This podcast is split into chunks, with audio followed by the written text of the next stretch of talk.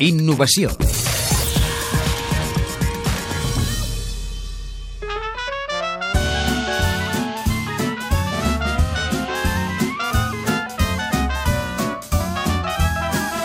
Flexitoy busca aplicar a les joguines dispositius electroluminescents flexibles. Setemsa és especialista en aquesta tecnologia per poder-la aplicar sobre plàstic o sobre teixits. La tecnologia electroluminescent és una tecnologia de generació de llum a través de- d'uns efectes electroquímics Marc Torrent, responsable d'innovació i desenvolupament de Setemsa. que el que permeten és convertir eh, la corrent en, en llum, però no de forma puntual, com seria una bombeta o un LED, sinó de forma superficial.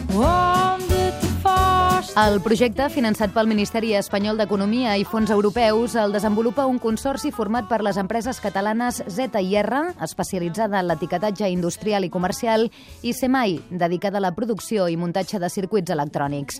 Completen l'equip el Centre Tecnològic Setemsa i l'Institut Tecnològic del Producte Infantil i d'Oci, AIHO. El sector de juguetes pues se está viendo ampliamente afectado por la importación de productos de países asiáticos o de costes de mano de obra más baratas. Asunción Martínez, responsable de materials i processos d'AIHU. Entonces se plagian diseños o se necesita otra innovación. I aquest és el terreny que tenen per córrer les empreses catalanes i espanyoles. Innovar per competir. El procés tècnic és molt semblant als processos en què s'imprimeixen imatges sobre un full de paper o sobre un plàstic. No? Es tracta d'aplicar en forma de, de tintes, en forma líquida, diferents capes de diferents materials actius sobre la superfície, en aquest cas del joguet,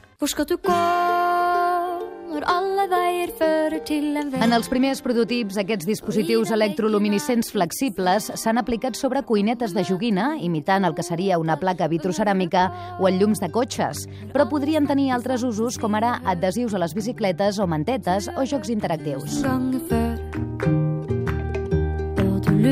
people L'objectiu és que els prototips definitius, que el Consorci preveu tenir enllestits el 2015, arribin a les petites i mitjanes empreses del joguet perquè puguin fabricar de forma massiva i a baix cost productes de valor afegit que, a més a més, tenen aquestes altres avantatges. Se puede facilitar el diseño de nuevos artículos, reducir desperdicios eléctricos y electrónicos que ahora se están utilizando con otro tipo de dispositivos, cumplir mejor con la directiva de seguridad, permet, des del punt de vista més industrial, doncs, reducció de, de costos en peces, en, en muntatge, en ensamblatge, etc.